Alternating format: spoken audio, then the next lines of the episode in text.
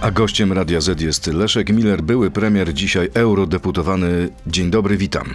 Dzień dobry panu, dzień dobry państwu. Wiemy już, że nie będzie na pewno dymisji premiera Morawieckiego. Zakomunikował tak Ryszard Terlecki. Jak pan myśli, ile czasu kupił sobie Mateusz Morawiecki? Sądzę, że kilka miesięcy i decydującym sprawdzianem będzie to, co się będzie działo zimą. Albo będzie węgiel, albo nie będzie premiera.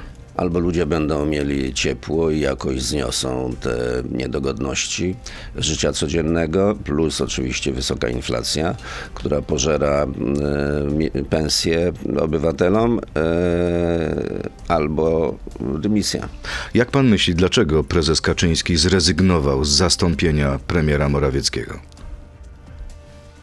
E, rzeczywiście zrezygnował, ale e, usunął e, prawą rękę pana Morawieckiego. Usunął i jeszcze nie wiadomo. Dopiero jest zapowiedź dymisji pana ministra Dworczyka. Myślę, że to jest przesądzone. I to jest ofiara, którą pan Morawiecki musi złożyć. Nie ma innego wyjścia, żeby być na czele rządu? Nie ma dlatego, że pan Morawiecki nie jest pełnokrwistym premierem czyli jest zależny od prezesa Kaczyńskiego. A jaka jest rola pana zdaniem, ma pan to doświadczenie, szefa kancelarii? To jest prawa ręka premiera? Pan Dworczyk na pewno e, wybił sobie bardzo mocną pozycję, może nawet e, mocniejszą niż to wynika z jego e, konstytucyjnych uprawnień. Bo przecież pamiętajmy, że kiedy szalał COVID, to on e, był czymś więcej niż tylko e, szefem kancelarii premiera. I co ciekawe, nawet politycy opozycji e, chwalą go za pracowitość. No właśnie, więc no, poniósł konsekwencje sytuacji, w której jego szef pozostaje na stanowisku, ale został wyrzucony z sań. E, po to, żeby może wilki też e, nie doścignęły głównego woźnicę z Żoliborza. Te wilki to kto, Pana zdaniem, dzisiaj w Prawie i Sprawiedliwości? No ci wszyscy, którzy mm, nie znoszą Morawieckiego, e, a jeszcze jest opinia publiczna, mam na myśli część opinii publicznej, która nie znosi Kaczyńskiego. A jak pan myśli, czy premier Morawiecki może coś zrobić, żeby zyskać poparcie w aparacie partyjnym? Co ma na przykład zrobić z tymi ludźmi, którzy spiskowali przeciwko niemu? Porada byłego premiera dla obecnego premiera. Nic nie może zrobić, bo on nie decyduje. Niedawno jeden z socjologów napisał, że po 1989 roku było, było tylko trzech prawdziwych premierów. Pan Tusk, e, pan Kaczyński i, i pan Miller. Gratuluję Dziękuję. skromności. Dziękuję. Uważam to zresztą za bardzo trafne spostrzeżenie. Reszta to są co? No, Kim są ci? Zawsze inni? mieli jakiegoś Kaczyńskiego. No ja nie miałem Kaczyńskiego. Jak pan myśli, jak to dalej się potoczy? Co się dzieje tak naprawdę, jeśli chodzi o dwór, świtę? Co się dzieje w aparacie partyjnym? Też pan musiał sobie ułożyć relacje w aparacie partyjnym. Wie pan, e, ci ludzie, mówię o e, ludziach PiSu, przecież oni e, muszą słyszeć to, co się mówi, to, co ulica mówi. I oni myślą sobie, no jak tak dalej pójdzie, to przegramy wybory. I wszyscy się patrzą na kierownictwo. Więc gdyby teraz Morawiecki odszedł, to byłaby pewna ulga dla nich no ale e, ten nowy premier musiałby się spotkać z problemami wynikającymi z braku węgla, braku gazu.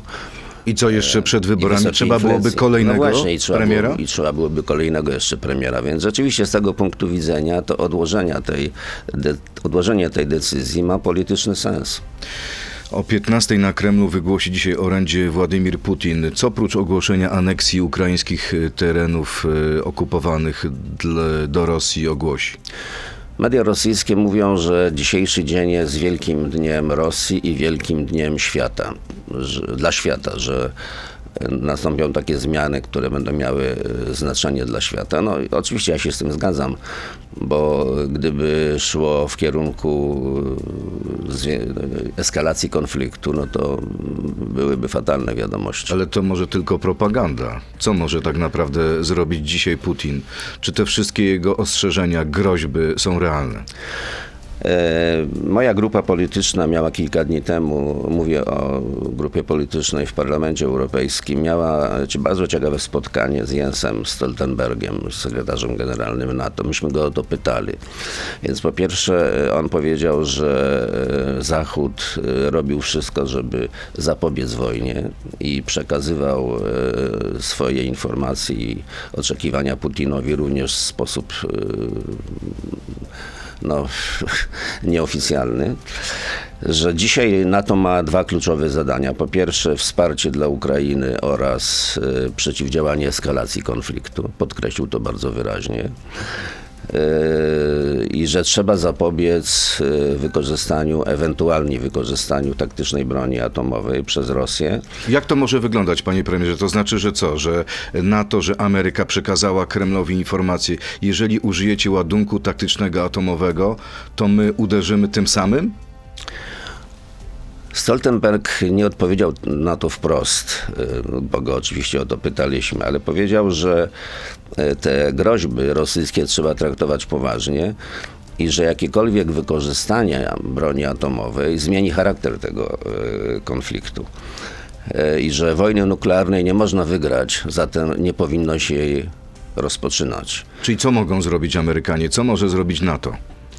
Myślę, że uderzy br- bronią konwencjonalną, ale to oznacza, że to, będzie, że to byłoby bardzo mocne no, uderzenie. Na przykład w co? We flotę czarnomorską? Przede wszystkim w obiekty wojskowe, o, mające znaczenie dla działań e, zbrojnych, tylko wie pan, to byłaby właśnie eskalacja E, i Rosjanie musieliby na to odpowiedzieć.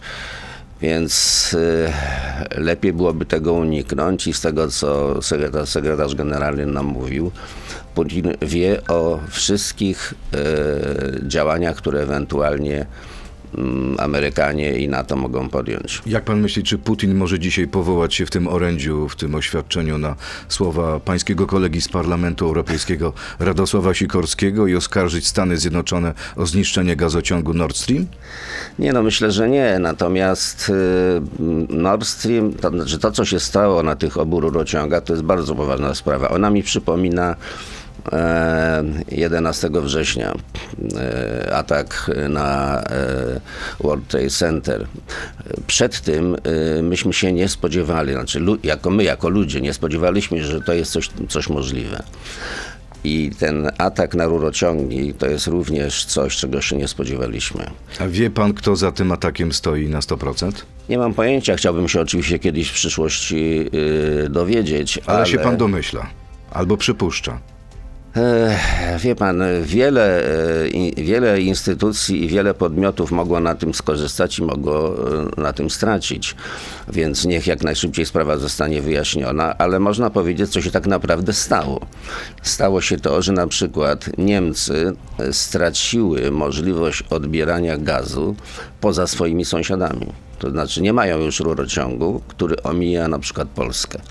I w związku z tym bardzo wzrasta e, znaczenie e, ru- rurociągu jamalskiego, który jest na razie jedynym nieuszkodzonym rurociągiem, którym można przesyłać gaz, jeżeli oczywiście kiedyś będzie przesyłany, bo my nie wiemy.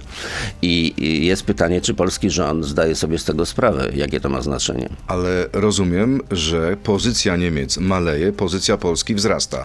Jak powinniśmy zachować się w tym momencie? No, w tym znaczeniu nasza dyplomacja powinna osiągnąć maksymalne korzyści. Jest tylko jedno pytanie oczywiście, czy jamalskim e, e, rurociągiem e, popłynie gaz, zwłaszcza w takim wymiarze jak kiedyś. Raczej nie, dlatego że Zachód się po pierwsze uniezależnia od rosyjskiego gazu, a po drugie w ogóle Zachód będzie odchodził od gazu. A pan napisałby, tak jak Radek Sikorski, Thank you USA? Nie, nie napisałbym, bo ja nie mam y, informacji w tej sprawie. A to dlaczego to e, Radosław Sikorski zrobił? Jak pan Ja myśli? mam nadzieję, ja uważam, że y, to był taki wieczorny y, żart, który zrobił Sikorski. Nie przywiązywałbym do tego jakiejś wielkiej wagi. Ale Departament Stanu to dementuje. Mówi o dezinformacji rosyjskiej. Mówi, że te sugestie są niedorzeczne. No to mnie, trochę, to mnie trochę dziwi, ale być może to jest rutynowe działanie Departamentu Stanu. Nawet rosyjska propaganda to podbija i mówi, że dziękujemy ci Radku Sikorski. Jasno napisałeś, kto stoi za terrorystycznym uderzeniem w cywilną infrastrukturę. To z kolei zastępca ambasadora Rosji przy ONZ. Wie pan, nie chcę dzieje? tutaj usprawiedliwiać Sikorskiego, no ale mm, jak to się mówi, e, zwłaszcza na Twitterze, jak się coś pisze, to trzeba się zastanawiać nad skutkami tego, Czyli co się trzeba przemyśleć to, co trzeba napisać. Dokładnie. Leszek Miller, były premier, jest gościem Radia Z. W tym momencie kończymy naszą część radiową, przechodzimy do internetu na Radio Z.pl, Facebooka i YouTube'a i w tej części rozmowy zapytam mojego gościa o rachunek sumienia w sprawie Baltic Pipe. To jest gość. No ja nie mam sumienia w sprawie. Teraz jesteśmy znowu na antenie. No właśnie, panie premierze, ucieszył się pan z otwarcia gazociągu bałtyckiego z gazem norweskim do Polski? Wie pan, dobrze, że pan mnie o to zapytał, bo tu musimy sobie wyjaśnić parę rzeczy. Po pierwsze, że tak zwany rurociąg norweski, którym ja się zajmowałem przez jakiś czas na początku, znaczy w 2001 roku i drugim, to nie jest Baltic Pipe. Baltic Pipe i rurociąg norweski to są dwie różne rzeczy. I e, PiS e, i jego... Na czym polega ta różnica? na tym, że e, rurociąg norweski miał iść do złóż, to jest podstawowa różnica, a Baltic Pipe nie idzie do złóż, tylko dojdzie do innego rurociągu, Europe Pipe 2. Ale Janusz Steinhoff to nie PiS. I on mówi, zarządów SLD, PSL dzie- 2001-2005 spacyfikowano ten projekt. Nie ma racji? Nie ma racji, dlatego że nie było Baltic Pipe wtedy. Jeszcze raz to powtarzam. To był rurociąg norweski, którego e, podstawowa, podstawowy warunek był taki, że trzeba przez niego przepchnąć 8 miliardów metrów sześciennych gazu. Z tego 5 miliardów miała wziąć Polska, a 3 miliardy e, Norwegowie mieli znaleźć odbiorców e, gdzieś w Skandynawii. Czyli co, wtedy to było nierealne, nie opłacało się Polsce? Polska była w, w, takim oto, w takiej oto sytuacji, że myśmy mieli za dużo gazu, dla, za dużo gazu rosyjskiego, dlatego że e, kontrakt jamalski podpisany jeszcze przez rząd Suchockiej przewidywał, że my będziemy otrzymywali jakieś 5 miliardów metrów sześciennych rocznie więcej niż potrzebowaliśmy. I w związku z tym e, logiczna, e, logiczne działanie było takie, że najpierw trzeba było z Rosjanami renegocjować ten koncert, ten, ten, ten nie koncert, tylko ten kontrakt, e, bo ta umowa była na zasadzie take or pay, czyli jak nie weźmiesz, to i tak za niego zapłacisz. No i to się mm, wicepremierowi y, Polowi udało w 2003 roku i to otworzyło, to otworzyło możliwość różnej dywersyfikacji. Czyli może pan powiedzieć, że to pański rząd jest ojcem Baltic Pipe? E, Tak, dlatego że myśmy zredukowali liczbę otrzymywanego gazu przez, e, od Rosji. To skąd takie wypowiedzi? Pański kolega, spotyka go pan pewno na korytarzach w Parlamencie Europejskim, Kosma Złotowski. Leszek Miller już tak ma, że dopiero po 20 latach orientuje się, co się dzieje. W 68 roku zapisał się do PZPR, a że demokracja jest jednak dobrym ustrojem, przekonał się dopiero w 89. Potrzebował na to 20 lat. W przypadku Baltic Pipe zdaje się, że też potrzebował 20 lat, aby stwierdzić, że to Naimski miał rację, a nie on wtedy, kiedy rezygnował z tej inwestycji. I co pan na to? No, panu po- posłowi pomyliło się wszystko. A przede wszystkim e, pomyliło się to, że to e, ja, ja rezygnowałem z tej in- inwestycji. Panie redaktorze, podsumujmy to wszystko. Po pierwsze, Baltic Pipe to nie jest kontrakt norweski. To są dwie różne rzeczy. Po drugie, kontrakt norweski został zawieszony, albo jak kto woli, odstąpiono od niego przez samych Norwegów, którzy nie mogli e, osiągnąć wszystkich warunków realizacji tego kontraktu.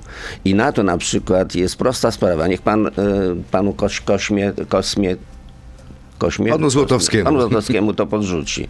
Jest, naprawdę można to w internecie odnaleźć, jest komunikat PGNiG z 2003 roku, z 2 chyba grudnia, gdzie oni o tym wszystkim piszą. Przyjechali Norwegowie, powiedzieli, nie są w stanie spełnić wymogów i zaproponowali odstąpienie od projektu. No dobrze, odstępujemy. dobrze. Dzisiaj puści, puścimy komunikat y, Leszka Millera. Moje sumienie jest czyste w tej sprawie? Całkowicie. Nie mam sobie nic do zarzucenia? Nie mam sobie nic do zarzucania, jest czyste całkowicie.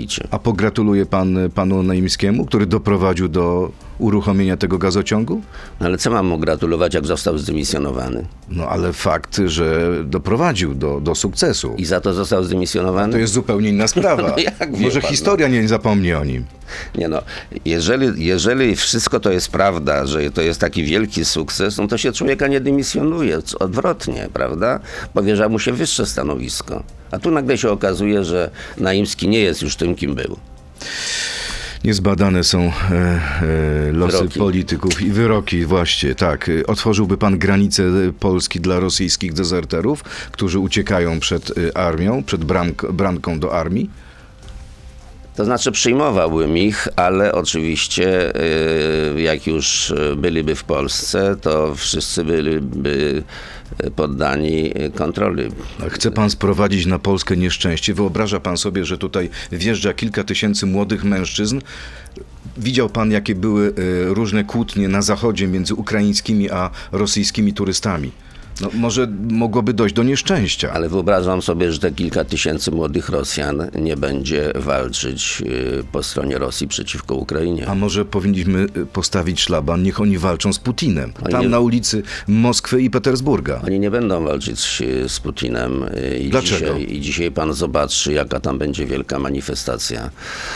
Pewnie wielotysięczne rzesze się zgromadzą, żeby mm, oklaskiwać Wielki Dzień Putina, który poinformuje, że Rosja przejmuje te ziemie, które jej się należą. Nie będą walczyć, bo są tchórzami? Powiedzmy wprost. Nie, nie są tchórzami, ale to jeszcze nie jest ten moment, żeby mogli obalić e, Putina. Poza tym, wie pan, ja pamiętam e, wojnę wietnamską, kiedy e, wielu amerykańskich mężczyzn, młodych mężczyzn uciekało z Ameryki, no to przekraczali Kanadę, bo Kanada ich wszystkich przyjmowała, a nawet Szwecja przyjmowała wszystkich młodych Amerykanów. Czyli co, pana zdaniem trzeba otworzyć granice i wpuszczajmy ich jak leci, czy sprawdzajmy? Nie, trzeba ich przyjmować i sprawdzać, a w każdym razie powinno się traktować zgodnie z e, regulaminami strefy Schengen, dlatego że tam jest wszystko dokładnie opisane, jakie musi spełnić warunki człowiek, który chce przekroczyć granicę Schengen. Czyli sam powód pana zdaniem y, tego, że nie chce iść do armii i strzelać do Ukraińców, e, jest y, wystarczającą przyczyną do przekazania temu człowiekowi wizy humanitarnej? Oczywiście, że tak. E, Poza tym pamiętajmy, że kilkaset tysięcy, nie wiem czy 300 czy 400 e, tysięcy e, młodych Ukraińców, którzy mm, powinni walczyć u siebie, przebywa w Polsce, więc ich wpuszczono. A nie powinniśmy? Powinniśmy. Uważam, że powinni walczyć za swój kraj. Czyli ma pan do nich pretensje? Uważa pan, Nie, że nie mam żadnej pretensji, no ale jeśli już, to już, tak? To znaczy e, ci, którzy e, e, nie chcą walczyć, mają być niewpuszczani, a ci, którzy powinni walczyć, są wpuszczani. Teraz pora na pytania od naszych słuchaczy. Bronisław Duda, czy był taki okres w latach 80., 90., że byliście z Aleksandrem Kwaśniewskim dobrymi kolegami, czy jednak od samego początku była to szorstka przyjaźń? Pamięta pan premier, kiedy pierwszy raz poznaliście się z Kwaśniewskim, jakie to były okoliczności? Który to był, jak, które to były lata 80.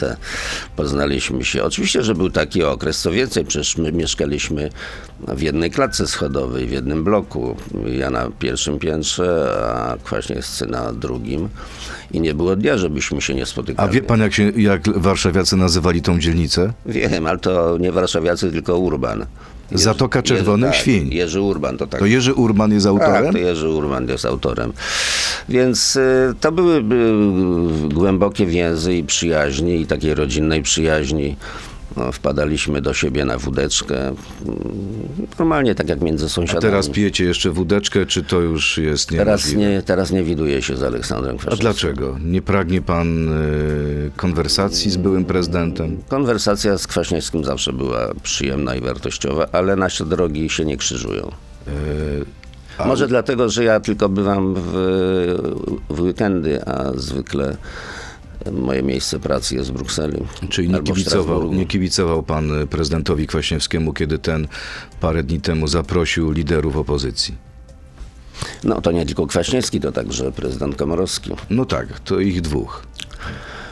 Myślałem, Patrzy- myślałem, patrzy e, myślałem, że to e, będzie bardzo e, poważne przedsięwzięcie. Ja też dostałem zaproszenie i może bym przyszedł, e, gdyby nie e, oświadczenia e, pana Czazastego, z których wynikało, że to raczej będzie spotkanie liderów opozycji w sprawie e, nawiązania jakiejś współpracy.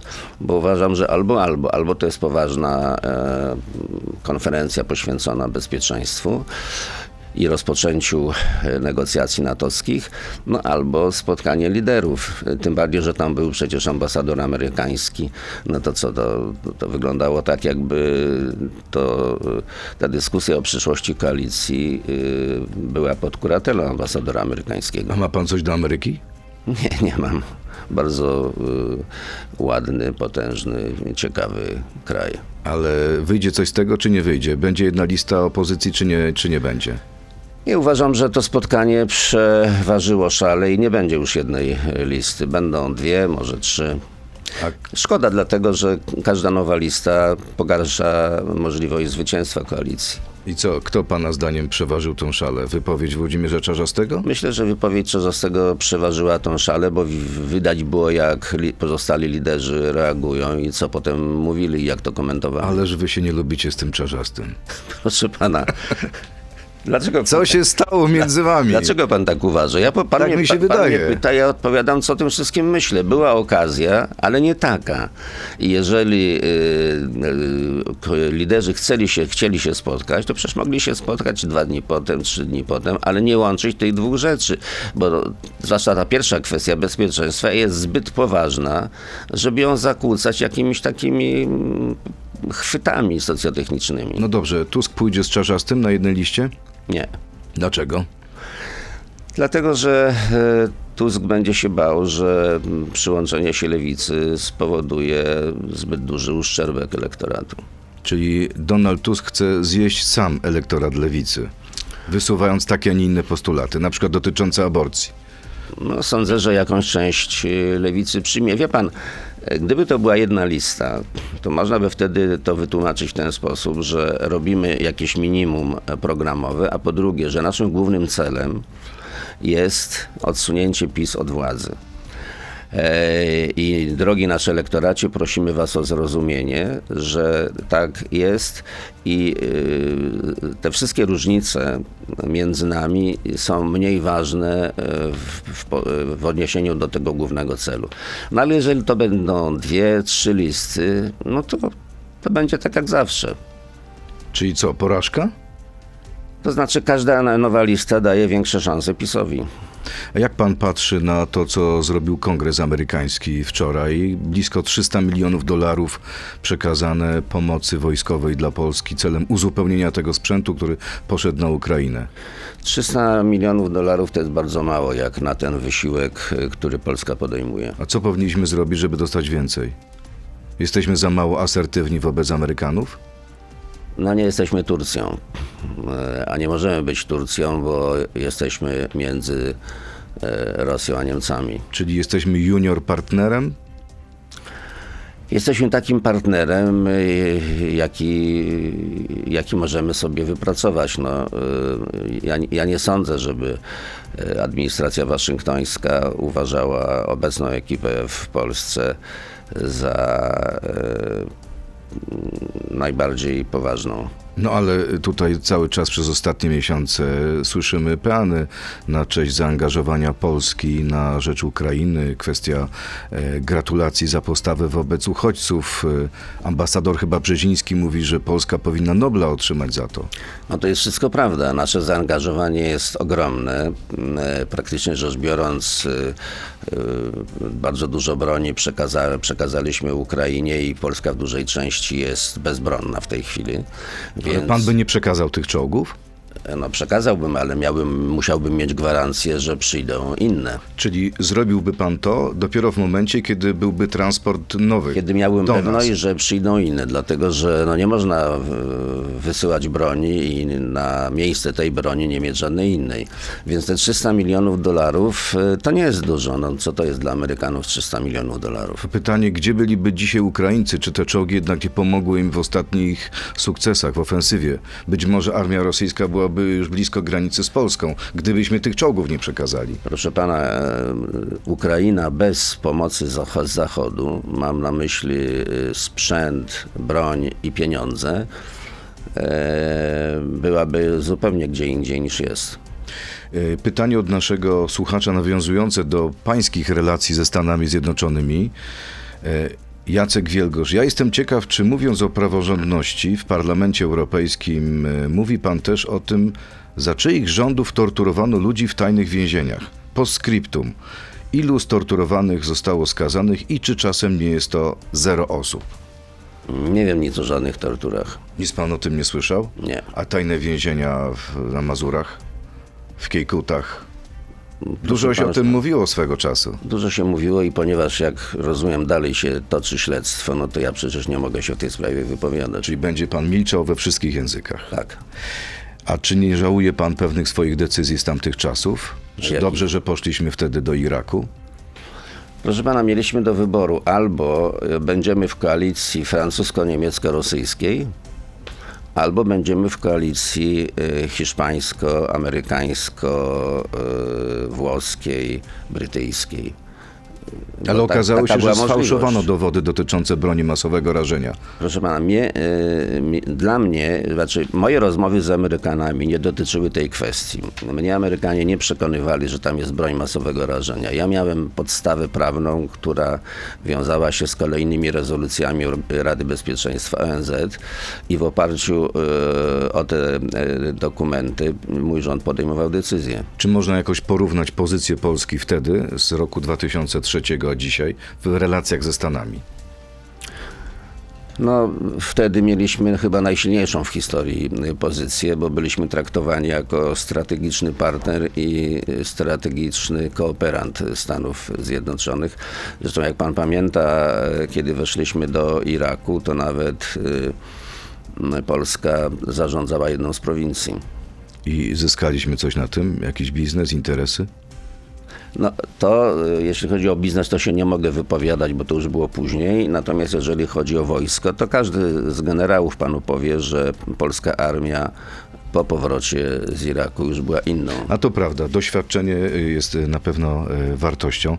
Kolejne pytanie. Willy Wonka, czy Willy Wonka. Panie premierze, czy dzisiejszy PiS nie przypomina panu pana byłej partii nieboszczki? To chyba rozumiem, że PZPR. PZPR.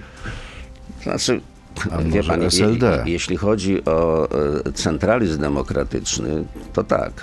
To znaczy zażądanie z jednego, miast, z jednego miejsca. E, wie pan, nawet wczoraj to widzieliśmy na spotkaniu e, Kaczyńskiego z klubem. To on przecież podejmuje samodzielne decyzje. Mówi, czy będzie decyzja wymiany premiera, czy nie. On ma, ma pretensje, o których mówi i tak dalej. A w Platformie jest inaczej? Taki pierwszy sekretarz. A Donald Tusk też podejmuje samodzielne decyzje. No ale z tego, co, co, co, co widzę, to tam jednak y, y, zdolność do y, podejmowania kolektywnych decyzji jest realna. Pan się spotyka z Donaldem Tuskiem czasami? Dawno się nie widzieliśmy. A chciałby pan wystartować w kolejnych wyborach europejskich? Proszę pana, rozważam w ogóle moją sytuację, bo jak pan wie, ja nie jestem już młodzieniaszkiem. I nie wiem, co się będzie działo za dwa lata, kiedy będą kolejne wybory do Parlamentu Europejskiego. W ogóle być może. Ma pan tylko 76 lat. No, dziękuję panu bardzo. To o czym pan mówi w ogóle? Wie pan, tak się w tej, chwili zastanowiłem, że my rozmawiamy o, o kandydowaniu do parlamentu, o sytuacji i tak dalej, i tak Przecież my nie wiemy, co będzie pojutrze na Myśli świecie, pan- co będzie za tydzień na świecie. Myśli pan, że Zachód zdaje sobie sprawę z tego, że jesteśmy na jakiejś krawędzi czegoś strasznego? Mnie to przypomina atmosferę z, kryzys, z kryzysu kubańskiego.